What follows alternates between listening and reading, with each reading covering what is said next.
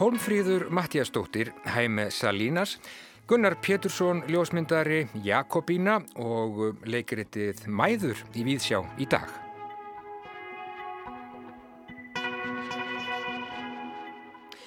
Við ætlum að segja frá bók sem að kemur út á spáni í dag og nefnist þegar útgáfan var veistla. Hún hefur að geima personuleg bref eftir Spænska útgefandan Hæme Salinas meðal annars bref sem hann skrifaði sambilismanni sínum Guðbergi Bergsinni Rittufundi. Þarna eru svipmyndir af samfélagi og samferðamönnum Salinas á mismunandi tímum æfi hans. Þar sem, já, meðal annars margir þekktir Rittufundar heims frægir koma við sögu. Salinas var mikilvægur í spænsku menningarlífi á um miðbygg og upp úr miðbyggi síðustu aldar frumkvöðull á sviði djúbstæðra umbreytinga í spænska útgáfu heiminum á lengu árabili á árunum 1955 til 1990. Við sláum á þráðin hér rétt á eftir til Barcelona. Þar er Holmfríður Mattiasdóttir útgáfustjóri forlagsins, hún veit meira um nýju bókina sem kemur út í dag þegar útgáfan var veistla. Hún kom í bókabúðir á Spáni í dag og já vekur. Mikla aðtikli Holmfríður segir okkur nánar frá hér rétt á eftir. Við ætlum líka að ræða við ljósmyndaran Ívar Brynjólfsson um Gunnar Pétursson, ljósmyndara, en myndir hans eru nú síndar í þjóðmyndasafni Íslands. Gunnar var virkur í bylgu áhuga ljósmyndara upp úr miðri síðustu öld og já, var einlega eins konar huldumadur í sögu íslenskrar ljósmyndunar, tilraunaglaður áhuga ljósmyndari. Meira en um það í þættinum í dag. Marja Kristjánsdóttir, leikhúsrýnir, hún fjallar í dag um leikritið Mæður sem að sínt er í eðnú um þessar myndir í leikstjórn Álfrúnar Örnólsdóttur, danstverk sem að frumsýnt var í heimalandinu í fyrra en hefur verið þýtt og staðfært á íslensku. Og Bókvikunar á ráseitt að þessu sinni er Jakobína saga skálds og konu. Þetta er æfisaga skáldsins Jakobínu Sigurðardóttur, bók sem skrifuð er af dóttur hennar Sigurriði Kristínu Þorgrimsdóttur. Í bókinni er dregin upp mynd af konunni og réttöfundinum Jakobínu og Sigurður Kristín reynir jafnframt að fylla upp í þær mörgu eigður sem eru í vittnesku hennar um lífslaup móður sinnar. Konu sem að gætti vel sinna leindarmála varð, varði engalíf sitt og já, krafðist þess meðal annars að dagbókum hennar og brefum er þið fargað. Við heyrum í höfundinum Sigriði Kristínu Þorgrimstóttur í Víðsjá í dag og hún les fyrir okkur brot úr bókinni. En við byrjum á Spáni, við byrjum í Barcelona. Á Spáni, nánartiltekið í Madrid, þar er gefið út dagblad sem að heitir El País og uh, á lögurtögum þá kemur uh, menningar kálfurinn Babilia og uh, núna um helgina á lögurdaginn þá byrtist þar umfjöllun um bók sem er að koma út bara í dag og tilvittnanir í þessa bók. Þetta er bók sem hefur að geima skrif eftir Hæmi Salinas og hann tengist nú eða tengdist nú Íslandi uh, og þar kemur íslenskur reytöfundur auðvitað mjög við sögu. Hónfríður Mattias Dóttir, útgáfustjóri hjá Forlæginu. Þú ert stöndi í Barcelona og þú ert, þú ert búin að lesa, segðu mig frá. Ég er náttúrulega bara búin að lesa brotu bókinni það sem að byrstist í elpa í sem ég býði mjög spennt eftir því að komast yfir eintak. Hún kemur um þetta í bókabúður í dag. Já, og þetta er bók sem að, já, inniheldur persónuleg bref meðal annars sem að hann skrifaði uh, sambílismanni sínum Guðbergi Bergsinni. Já, sko þetta byrjar á, það eru náttúrulega fleiri brefi sem meðal annars bref til fjölskyldunar. En þetta eru bref sem að uh, hann, uh, Hæni Salína, sem skrifað sínu fólki í algjörum trúnaði og þau eru mjög opinská. Hann er ekkit að sýta sín eina steflingar uh, og hefur náttúrulega treystir sínu fólki og segir bara hlutina eins og hann sér þá. Þannig að þess vegna er þetta svo merkileg heimilt og hann hefur greinilega verið fríandi maður. Um, mjög uh, bæði við lesin og við hýtt og fróður og, en það er líka mjög skemmtilegt að hann hýðir engum. Þannig að maður fær alls konar sögur af þeim höfundu sem hann átti við á þessum útgjöfandaferli sínum Já, hann var, og, hann var um, mikilvægur bókaútgefandi á, á, á sínum tíma og, og gerði hluti þar í spænskri bókaútgáð sem að skiptu, skiptu mjög miklu máli. Já, þá má ég lega segja að hann hafi gjör breytt spænskum útgáðu henni í þessi, hvað voru það, 35 ár eða, eða svo sem hann var að vinna við, við bókina og bókaútgáðu. Já, frá 55 bara held ég. Já, Já. Og, og til 90. Já, langur tími sannarlega og, og hann hafði hafði mikil áhrif og þetta er, já eins og þú nefnir, þetta er, uh, þetta er mjög svona, þessi, þessi brot sem að byrtast í, í blaðinu um helgina, þau eru svona mjög, já, nakin og, og sum, sum bara bísna, bísna hjartnæm. Já, bæði það að hann er náttúrulega eins og segja, skrifa sínu fólki en uh, þannig hann svona segir þeim það og það er kannski einhverja tilfinningulega skýrskotanir uh, til þeirra. Já. En svo er líka mjög áhugavert að lesa um, hann hefur náttúrulega verið að vinna þarna í nánu sambandi við eh, hérna, mikilvæga útgefundur á Spáni og í Evrópu því hann stóðað e, eh, alþjóðlegum velunum sem að voru veitt á tímafili og alls konar útgefundur evrópskir og asískir og bara frá bandaríkjörnum og alls það er að koma að þessum velunum og hann svona e, segir dáliti frá sínum samskiptum með þetta fólk og Já. svo talar hann líka um ímsa höfunda um, og, og líkir þeim og hann er sko ekkit að endilega skafa utan af hlutunum. Nei, talar um Mario Vargas Llosa og, og fleiri. Já, hann talar um Vargas Llosa, hann talar um García Márquez, hann talar um eh, Camilo José Cela og vandar húnum ekkert hverjurnar og, og fleiri og fleiri. Já. Sko, uh, Salinas hann deyr árið 2011, það hefur væntanlega einhver orðið að fara í gegnum uh, þessi skrif hans og, og, og réttstýra þessu og, og velja. Já, það er eh, Enrík Bó sem hefur tókað sér þetta verkefni, hann, eh, og hann kynnti Guðbergi og fekk aðganga brefunum hans.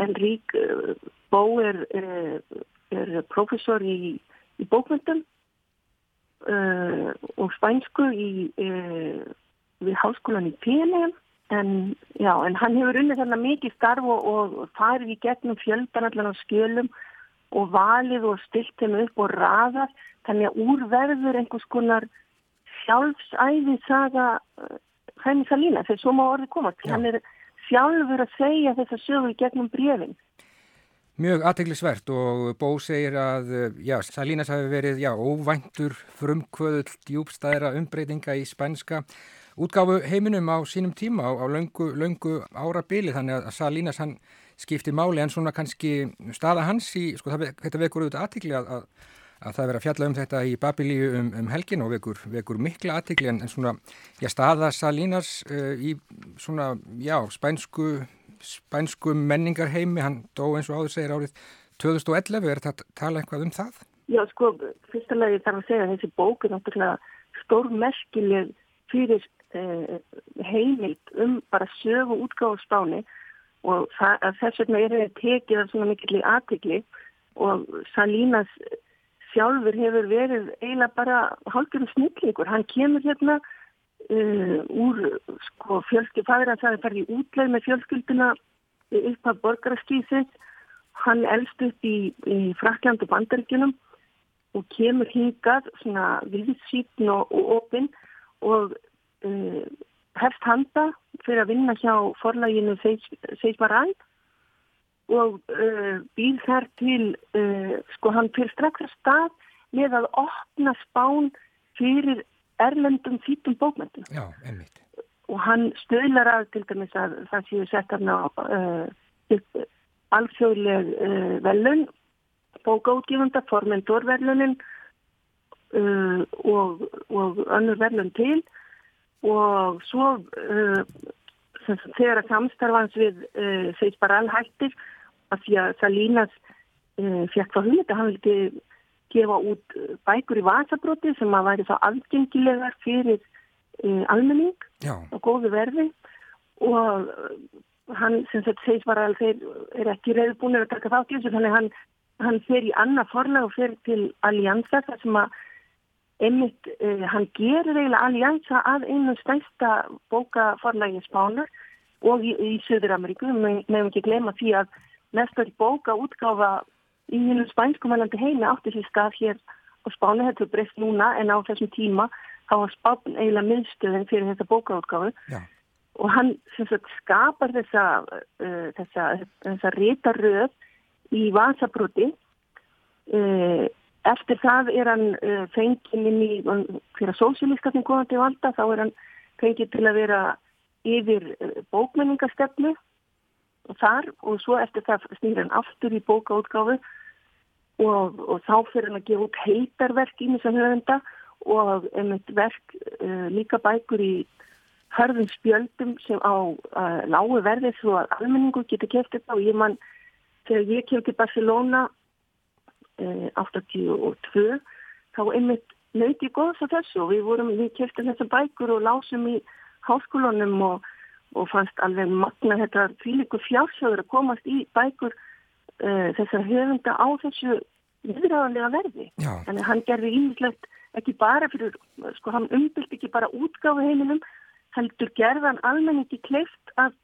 að komast yfir þessar bækur og lesa þessa erlendi höfunda í, í góðum fylgum. Nákvæmlega, þetta verk uh, hans skipti sannarlega máli og eins og þú nefnir, þetta, þessi útgáfa uh, í dag, þetta vekur aðtikli? Þetta vekur mjög miklu aðtikli vegna þess að, uh, já kannski sérstaklega vegna þess að þarna er hann bara að tala tæpitungulust, hann er ekki að, hann þarf ekki að hugsa um tilfinningar höfunda eða, eða annar á útgifanda, hann bara segir hlutir eins og hann sér þá. Og uh, þetta er yfirleitt skemmtilega og fallega sagt en enga síður uh, hreinskilið og breinskið og það er mjög áhugavert þetta er mjög áhugaverð heimilt reynilega um útgáða heimilt Nákvæmlega og um, til Guðbergs Bergsonar skrifar Salinas uh, 15. apríl árið 1962 Ég vil að þú skiljir og fyrirgefðu væmnina hvað þú ert mér mikilvægur Þú og samband mitt við þig er það eina sem ég sé skýrt og er algjörlega fullvis um. Þetta er fallegt. Þetta er alveg dásamlegt og sínir það hvað þeirra samband hefur verið stert og við náttan náinn e, í gegnum þetta allt saman. En svo fyrir líka merkilegt að hugsa til það að þetta er þessi miklu frumkvöðlu þetta er þessi maður sem að umbyltir útgáfu á spáni og það er nú meirinn að segja það. En um leið segir hann það eina því að skýrt í öllu þessu er samband mitt við þig. Já, einmitt. Það er farlegt og hann uh, segist líka þarna einhvers staðar vera metnaðar fullur en án markmiðs og örgulega mjög gaman að komast í þessa bók í heilt sinni. Hún kemur út í dag, já heitir þegar útgáfan var veistla, ekki satt? Jú. Og þetta vekur uh, mikla aðtegli og það er falleg mynd af Salinas og Guðbergi í Babilia um uh, helgina og já það verður gaman að sjá þessa bók vonandi bara sem fyrst. Ég segi takk fyrir spjallið, Hómfríður Mattiastóttir, takk fyrir að vera á línunni frá Barcelona. Bestu kveður og takk. Takk fyrir þess. Já, Hómfríður Mattiastóttir, útgáfustjóri forlagsins á línunni frá Barcelona á Spáni. Þegar útgáfan var veistlabók sem að kemur út á Spáni í dag, bók sem að hefur að geima Personuleg bref sem að hæmi Salínas skrifaði til fjölskyldu og ástvina meðal annars til Guðbergs Bergsonar. Stórmerkileg heimildum útgáfusögu á Spáni, Salínas Gjörbreytti, spænskum útgáfu heimi á sínum tíma, sagði Holmfríður Mattiastóttir. Og já, verður sannarlega gaman að lesa þetta bók sem að kom í bókabúðir á Spáni í dag. En þá hingað heim við höldum þessu næst í leikús. Í yðnó er verið að sína leikrit sem að heitir Mæður Marja Kristjánsdóttir.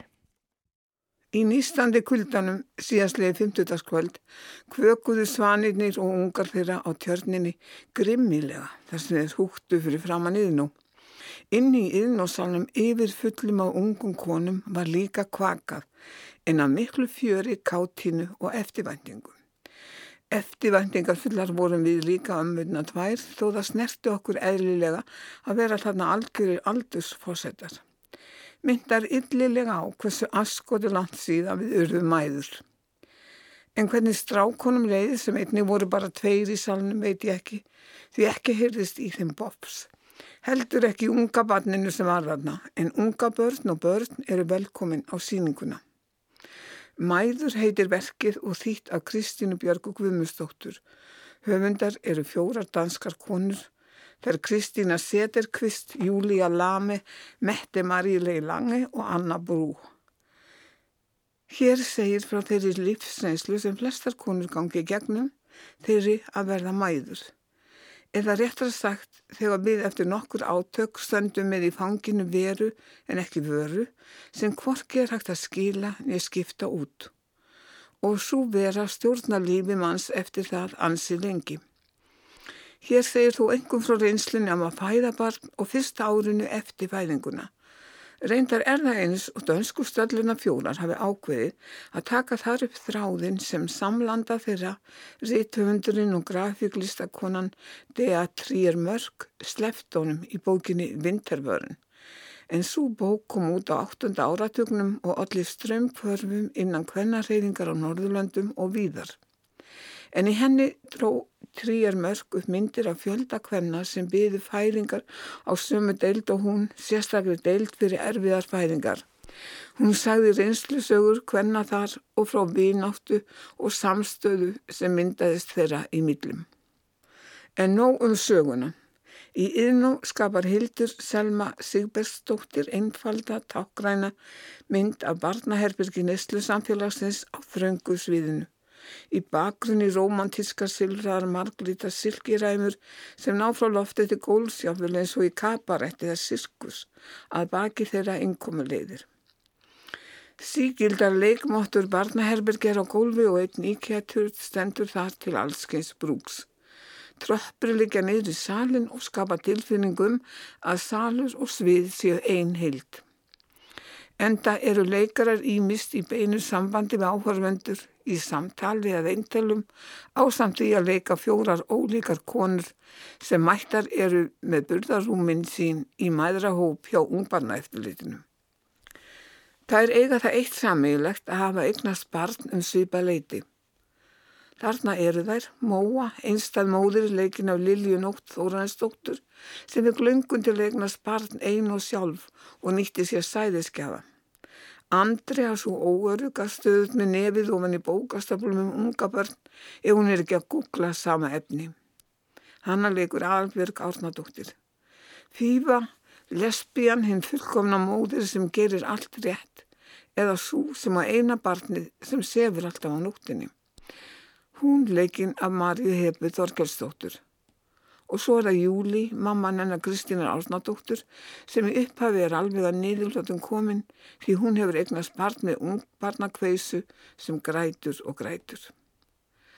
Við kynnumst þessum konum snátt og smátt í gegnum samveru þeirra í mammaóknum. Hvað þær heita, hvað börnir þeirra heita, fjölskyldu aðstæðin þeirra. Á milli þessum þær gera líkamsæfingar miðla þær af reynslu sinni Reynslu annara takast á við klísjurna lígarnar um óðurlutverkið. Allt er rætt, ófrúsemi ætleiningar, gerfi frókun, kynlíf, meðgangan, færingin, keisaraskurðir, færingarþunglindi, söfleysi, föðurlutverkið, skilnaðir. Og elsku börnin, börnin sem kúka, pissa, rópa, æla og grenja. Mest þó um þær kröfur sem barnið og umhæmurinn gerir til þeirra. Tilraunir þeirra að reyna að ná valdi yfir eigin lífi verða aftur þær sjálfa reyna gæsalapa en ekki bara þjónustu miðstöð fyrir barnið og kröfur þess. Á okkar hjáttningatímum stuðast sannlega fæstir yfir þinskipninni en það höfundar lagnir í að gera hlutina komiska. Margt er þær ansi fyndið og skemmtilegt og beint úr einslu heimi okkar sem við salnum sitja og undir lokin þegar vinátt hefur myndast meðal kvennan á sviðinu og þær lofsingja mæðu sínar þá tegið svo vinátt að sig yfir allan salin innkvenna hópurinn verður rísa stór. Leikstjórin Alrún Örnánsdóttir fyrir finlega leiða verkinu tengir sal og leiksvið án þess að það sé ágengt Það gefst ekki mikið svigrum á þröngu sviðinu til að koma með frumlega lausnir en hver person er dregin upp með skýrum fáum komiskum dráttum og undirlikjandi duldar meiningar og dölin átök skila sér vel. Leikvimi maðrahópsins umbreytist víða í tjáningu og sameiglegum tilfinningum. Leikonar alla skapa sem sagt skemmtilega karaktera og gott að sjá aftur Lilju nótt á leiksviði, ég hef saknað hennar. Þetta er síning fyrir alla mæður, ungar og gamlar til að hlæja saman og skoða hvaða reyði sameigilegt. Ekki er það verra að hægt er að taka börn með sér. Hvort papparnir eigi líka koma er ég ekki vissum. Það er kannski hægt við að þeim líði eins og þeir hafi ratað óvart inn í saumaglúp. Já, hver veit, þetta sagði Marja Kristjánsdóttir um leikritið Mæður sem að síndi er í yðnú. En eh, bókvikunar hér á Ráseitt er Jakobína, saga skálds og konu. Þetta er æfisaga skáldsins Jakobínu Sigurdardóttur sem er skrifuð af dóttur Jakobínu, Sigriði Kristínu Þorgrímsdóttur. Í þessari bók er dreyin upp mynd af konunni og ritthöfundinum Jakobínu og Sigriður Kristín reynir jáfnframt að fylla upp í þær mörgu eyður sem eru í vittnesku hennar um lífslaup móður sinnar. Jakobína, hún gætti vel sinna leindarmála og varði enga líf sitt og var ekkit að flíka sjálfur sér allt og mikið og vildi meðal annars að dagbækur hennar og bref. Þetta er allt saman brent að henni látinni. Eh, bókin kom út á síðast ári, hún var tilnæmt til Íslensku bókmentavelunana og hlautu fjöruvelunin í flokki fræðirita og bóka almenns efnis. Sigriður Kristín Þorgrimsdóttir, hjertanlega velkomin í Víðsjá. Af hverju bókum Jakobínu Sigurdardóttur nákvæmlega nú? Uh, hvað var til þess að ég fór að skrifa þessa bók? E, það má kannski nefna það að árið 2013 þá kom út svona svolítið flippuð sjálfs, feminisk sjálfsæfisaga mín sem að ég kallaði alla mína stelpuspilatíð. Ég fór svolítið tækur auðvitað í ættarsögunum meðan ég var að skrifa það en og svo fór ég að hugsa, já já, hvað var ég að gera næst og þá var árið 2015 og ég var með brefasafnir að mömmu, það, ég geymdi það og ég var líka að hugsa um árið 2018 er 100 ára ammaliðanar og hvað ætla ég að gera því tilhætni og ekki að reyna að gera eitthvað við þessi bref þetta svona byrjaði þannig. Mm -hmm. og svo tók ég, þetta voru kassar á sendibrefum og ég flokkaði þau í sundur eftir brefriðtörum og í tímaröð og las og, og las og las og, og bara sagan, þetta átti að verða svona lítil bók átti ég bara að fjalla um örfá ári henn ræfi sem ég ætlaði að hafa frekka lítið fyrir en svo svo var nú eitthvað annað ofan á sko. Svo breytist það? Já, já, já eins og bara maður er þegar maður er að skrifa og þú ert með eitthvað svona viðfangsefni, ég tala ekki um ef maður er einhver svona sagfræðilegu viðfangsefni að, að það eh, heldtekur mann einhvern veginn og, og stækkar og stækkar. Já, en þú vissir kannski ekkert svo rosalega mikið um móður þín og hún var ekkert að flíka sínum prívat málum eða, eða, eða gætti sinna lendarmála mjög vel og ég vildi jáfnvel bara láta brenna, er það ekki dagbækur og, og bref?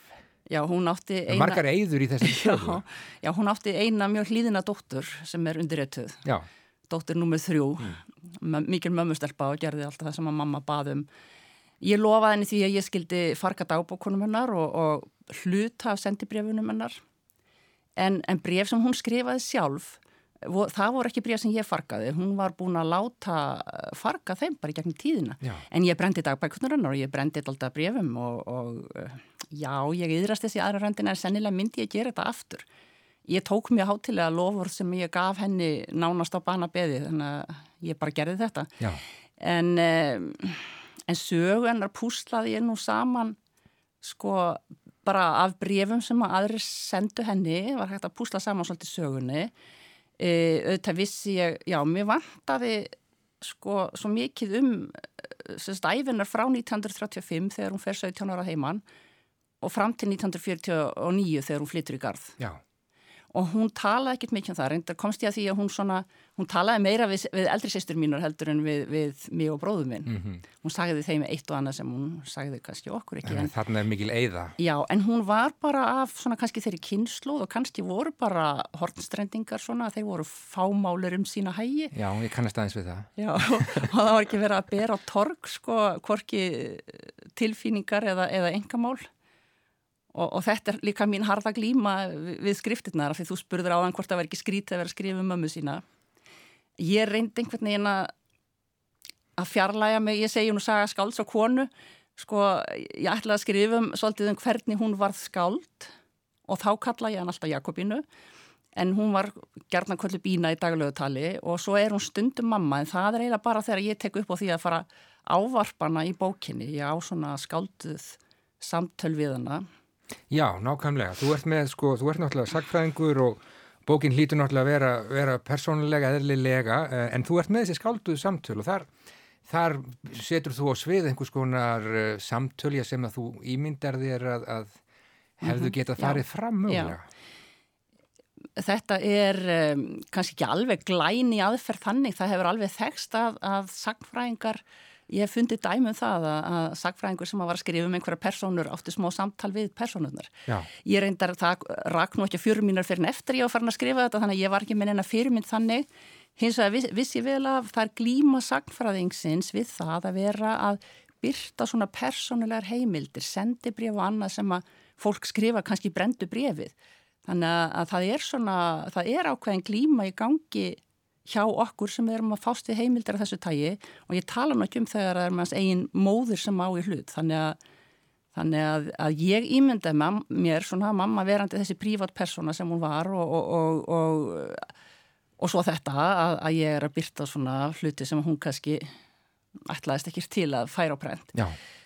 Að þá fann ég eiginlega þessa leið til að glýma við samviskuna að eiga þessi samtöl við hana í gegnum bókina. Já, þetta er auðvitað öðrum þræði eh, bókum það hvernig, já, hvernig Jakobína verður skáld og nær um, um síður í gegn, það var ekki sjálfgefið, kona, mm. fætt 1918 en mm en hún skrifar þessar fínu bækur sem að fólk þekkir, dægurvísu, snöruna, levandi vatni þarna á sjöfunda áratöknum í bardómi löngu, löngu síðar.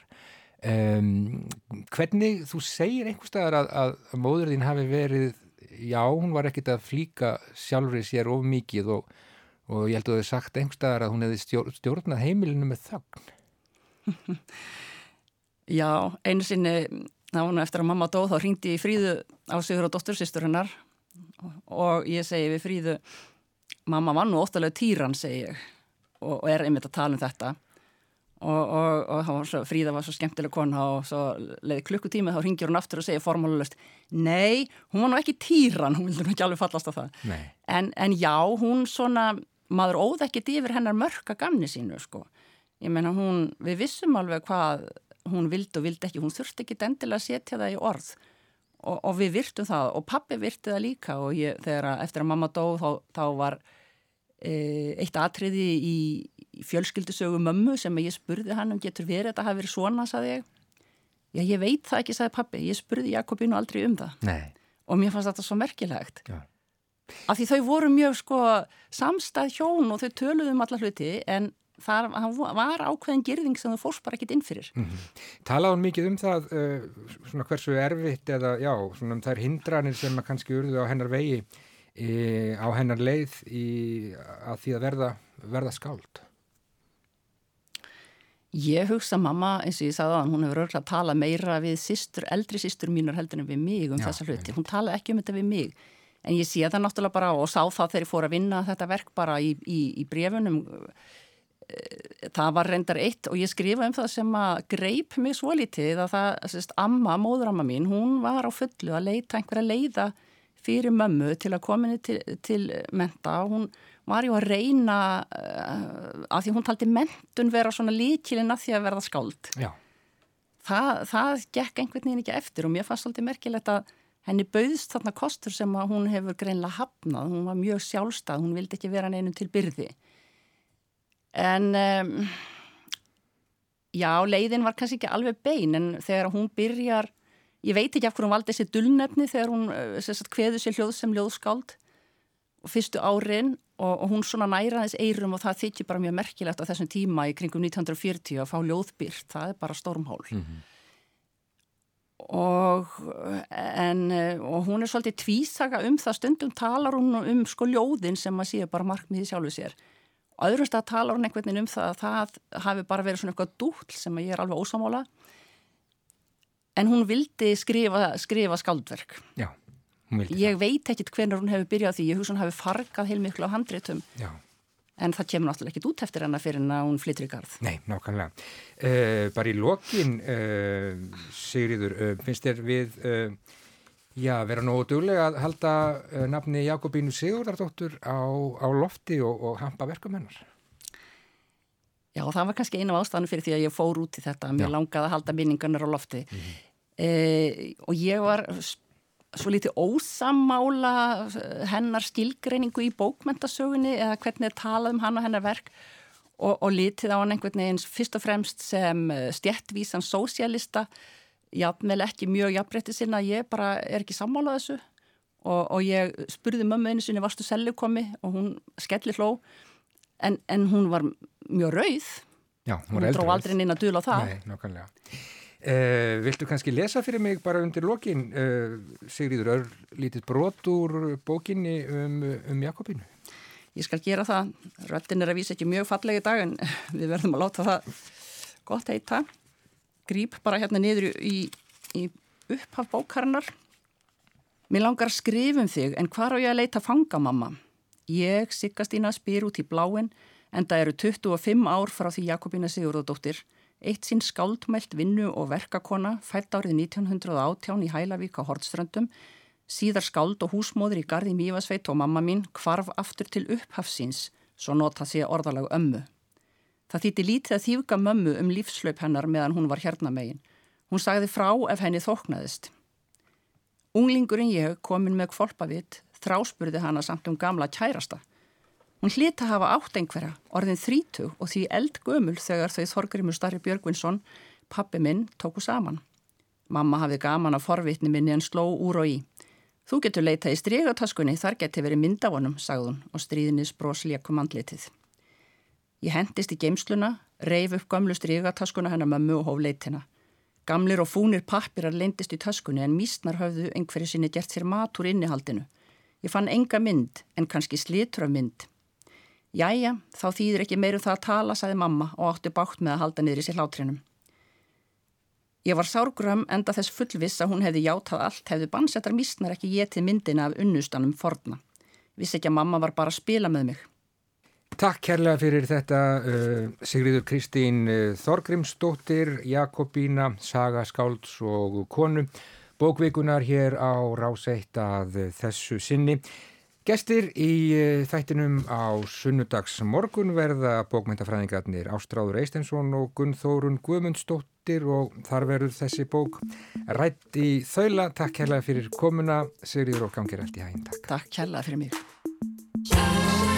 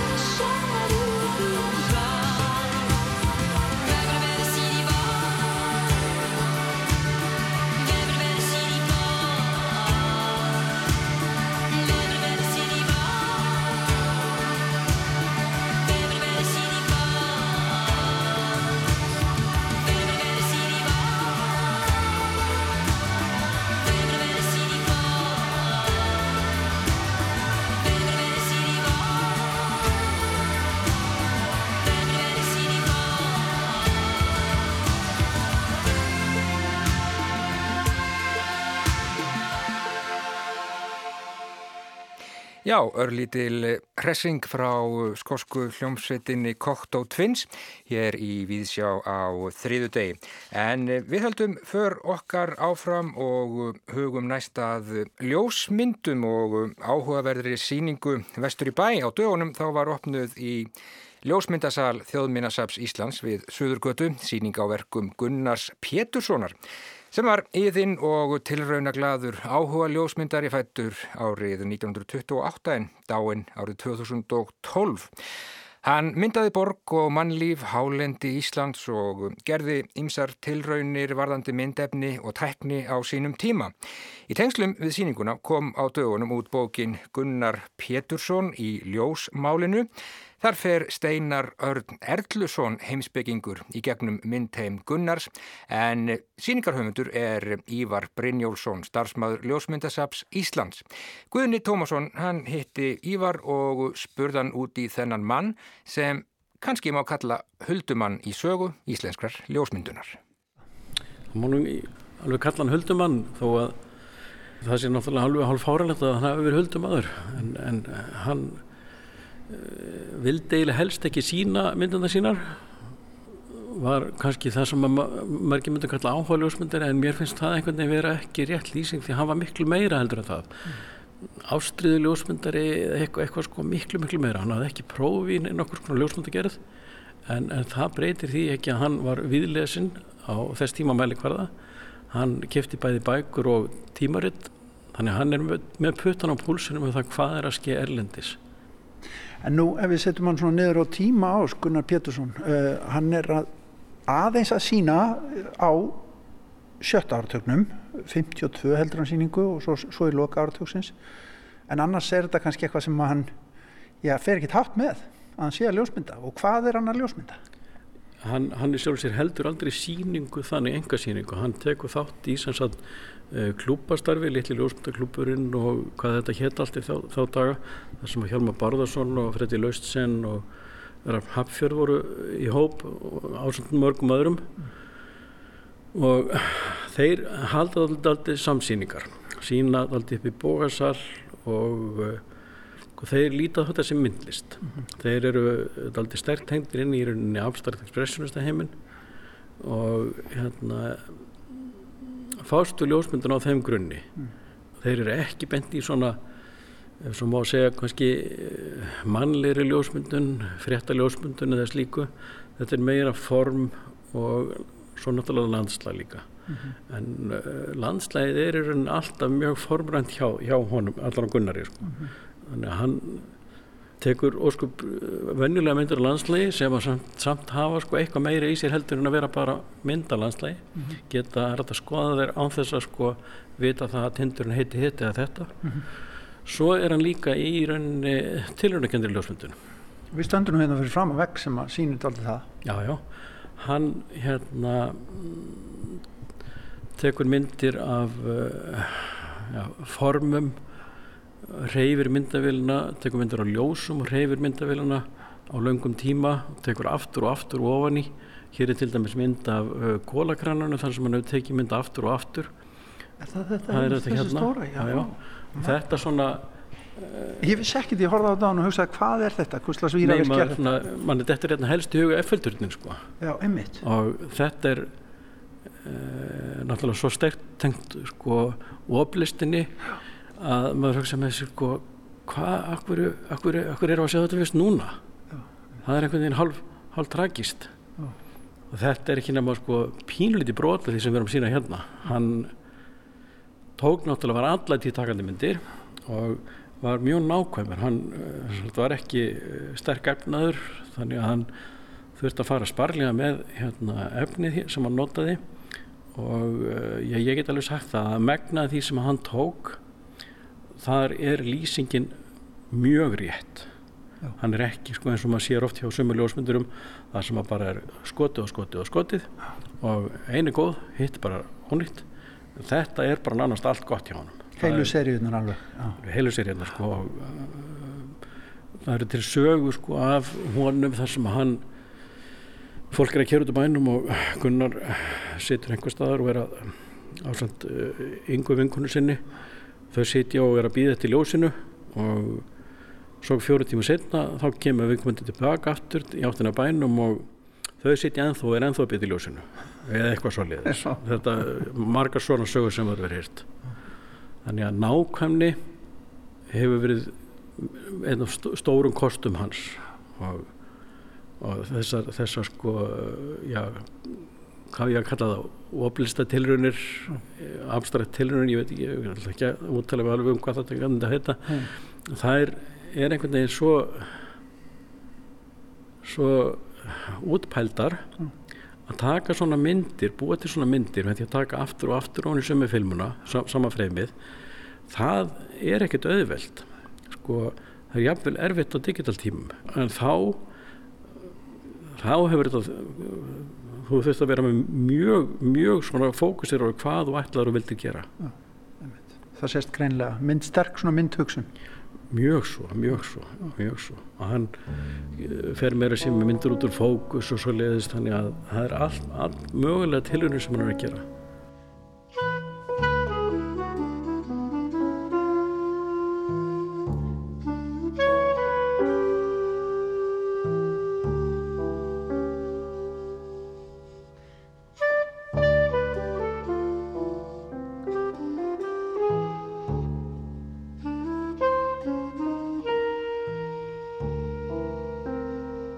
hugsaum aðeins um sko úr hvaða jarðvegan kemur. Uh, hann fættur, hvað er, 1928 fættur 28 og, og eiginlega lendir óvart í ljósmyndun eins og kannski já, margur. Uh, Já, hann sko bróðir hans fær myndavel í fermjögegjöf við veitum nú svona frekar lítið um, um, um hans hans að feril. Mm. hann var mjög fámall um sin, sin, sin eigin hag og feril en uh, bróður hans fæði sér leið á þessu og þannig að Gunnar fær vélina sem var nú vist ekkert sérstök en einhverju nokkru mánu setna þá fær hann sér betri vélar og þá bara brest alla flokkáttir og hann bara verður hugsa trúlega ekki heila hugsun ef maður ljósmyndu komið að þannig til hann já, var glæðla tíð mm -hmm. þannig að hann var bara svona ástriðu ljósmyndari mm -hmm. En svo er hann kannski eh, sko ekkert já, mikið að flagga þessu uh, hann hérna er kannski, já, daldið að koma bara í ljós með síningu eins og þessari við, hann hefur aðeins verið síndur í samhengi við þessa menn sem hún nefndir aðan en ekki neitt svona helstætt eins og nú er einhver feimni við, við, það, við það að lefa öðrum að sjá er það ekki ekki um tíðina? Svo verðist hann verðist ekki að hafa vilja sína fólki þetta mm. hefur uh, gert þetta algjörlega bara fyrir sjálfan sig og uh, það er náttúrulega allt, allt, allt það sem til þarf í rauninni sko. en eigum við margar svona menn? Að það eru margir ennþá týndir í skúfunni? Já, það held ég. Ég held að uh, þessi hópur af þessum uh, klúpa ljósmyndurum áhugamanna klúpa ljósmyndurum frá svona 50 til svona 60-65 Uh, saga þeirra hefur ekki verið skoðu til, til gags uh, flest myndasöfn þeirra eru komin inn á söfn. Uh, ég held að sé eitt eða tvö sem er ennþá úti. En það er vissulega ástæða til þess að skoða þessa menn betur. Því að þeir í rauninni standa á svip, mjög svipum slóðum og það sem að uh, mál, málaralistin er, er að fástu á þessum, þessum svipuðu tímum. Þetta er merkilega saga og merkilega kannski einsýni hérna já svona þessari ljósmyndabilgju abstraktins. Það er annar þáttur í, í hérna, verkum Gunnar sem mamma rekur í hérna uh, augun. Það er, eru fjallamyndir. Hann er mikið á fjallum ekki satt? Já, hann, hann er uh, ákvæmlega mikil ferðarfélagsmaður og byrja strax að fara að ganga á fjöll eh, örglega sem unglingur. Og hann og uh, langtíma vinkunans Ingi Börg Ólafsdóttir uh, þau fara bókstala á öll fjöll og alla alla dali og alla þúur sem að hægt og alla bara út um allt í Ísland sem að hægt var að komast á og, og er alltaf myndandi mynda stanslöst bæði tvö hennarsafn er nú reyndar á ljósmyndarsafni Reykjavíkur mm. en og þarf, þarf að gera henni goða skil líka en þau sem sagt eftir að, þau, eftir að hann fæði sig jeppa þá eru þau bóstala fjöllum alla daga og það eru til frásögnir af miklu svaðilfúrum sem þau, þau hefa lendi í mm. við það að vera einu upp á en að að það var svona trendin eins og, og nú týrkast kannski Einmitt. Maður er mitt horfir á þessum myndir hérna til dæmis hér reitt vekkur með aldrei mikið að stórum ljós hérna, landslagsmyndum maður veldur eins fyrir sér hvernig hann sá landið vegna þess að nú erum við náttúrulega svo hérna, einhvern veginn satur eruð í því hvernig hérna, landslagsljósmyndarar hafa unnið á síðustu árum og áratögum sko, hvernig, hvernig horfið Gunnar landið? Mér finnst hann fyrst og fremst horfa landið sem form. Uh, í þessu tilfelli þá uh, erum við ekki með uh, nöfnin á því hvar þetta er. En, en form landsins er það sem hann sko einhvern veginn einblínir doldi stórt á. Já. og á svipan hátt og þegar, þegar hann er að taka tilhörnakjöndu myndindar þá verður þetta nánast kannski ekki jafn tilhörnakjönd en svona, þetta verður mjög abstrakt svona í, nánast í eðlisínu þó þetta sér hennur umverulega ljósmyndir já. og já við settum hérna inn eina mynd af uh, Bárjáts fjalli að því að það er alveg nákvæmlega eins og mjög svipað hinn um myndana já.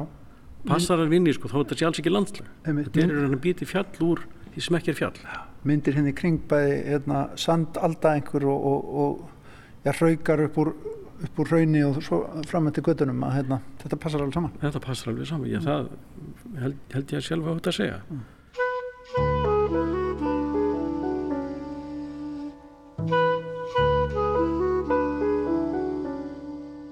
En þið hafið ekki mikið af sko persónlegum gögnum og slíku að, að svona vinna með, hann var það dölur Nei, sko Steinarur tók uh, vann hérna uh, greinagerðin um þessa síningu sem komst hérna út á bók og við tókum viðturrið aldrei mikið af fólki og það var alltaf sama stað sem við komum á nákvæmur maður, hlétrægur uh, vildi ekki vera að dranna sér fram mm -hmm. allir sögðu það sama þannig að, að fólk verist almennt ekki hafa þekkt hann held ég enda held ég hann hafi þú, ég held að þú hefur þurft að tala ljósmyndísku til að sögða til þess að geta að tala við hann. Það geta það ekkit allir. Hann eins og sé lifiði fyrir það að mynda. Og sem betur fer er þetta komið í ljós núna og hann náttúrulega sendir myndir út til uh, síninga eins og sjáum á hér. Mm. þar sem var ljósmyndaklúbarnir á þessum tíma voru að senda myndir á síningar til útlanda. Mm. og þær komi gætna tilbaka og við sínum þær og sínum þá bakliðina líka. Þannig að þá sérðu hvert þær fóru og hvar þær voru síndar Já, já. Ja, Midland Salon Photography ja. og, og, já, Salon í Breitlandi einhverstað líklega. Louisville. Louisville, já, Louisville sko. akkurat. Hann segir sjálfur frá því að hann og Kaldal hefði sendt myndir og síningu til Indlands einhver tíman en eh, segir endar að þær hefði komið og sent þannig að það ekki komist á síningunna en, en eh, hann, þeir hafa sendt myndir lengra heldur en margur gerir í dag oh. þannig að hann svona það er eitthvað, það er einhver vilja til að sína einhverjum eitthvað já, en svo, svo, svo sem sagt upp úr 59 þá sloknar algjörlega á þeim vilja já. og hérna hann tekur þátt í samsýningu sem að þjóðmjörnarsunni stóð uh, fyrir árið 1999 þjóðbókluðu á ljósmyndu þessara, þessara, þessara hópa uh, og síðan ekki svona meir mm. uh, hann hins verið kringun 2010 tekur sér til og býr, uh, skan, leitur skanna inn myndir og prenta út uh, og ramma inn mikið sarn og stort sarn mynda sem er svona hans að því mér finnst loka sína á sjálfan sig mm og hann, ég sá þetta nú hjá hann og skildi nú ekki til hvað þetta var að vera búa til þetta á svona gammalsaldri en áttaði maður því því að, að taldi þegar ég kom út að þetta væri svona postmortem síning hans. Mm -hmm. hans loka við erum með þess að hans loka sína á sjálfan sig að þegar ég tel. Já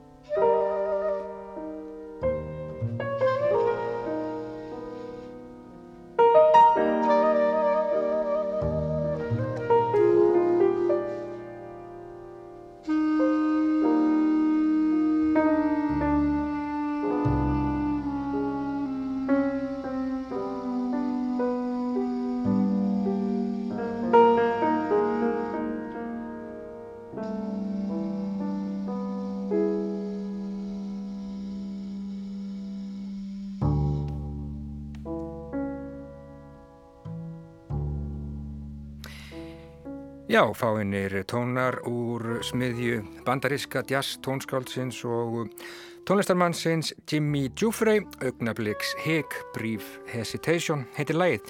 Gunni Tómasson rætti við Ívar Brynjólfsson um Gunnar Pétursson, ljósmyndara. Sýning á myndum hans stendur nú yfir í ljósmyndasalnum í þjóðmennjasafni. Ísland stendur til 30. ágúst, stórmerkileg síning og sjálfsagt að hvetja hlustendur til að skoða. Og uh, nákvæmlega svona með augnabliks heki líkur þessu hjá okkur í Víðsjá í dag.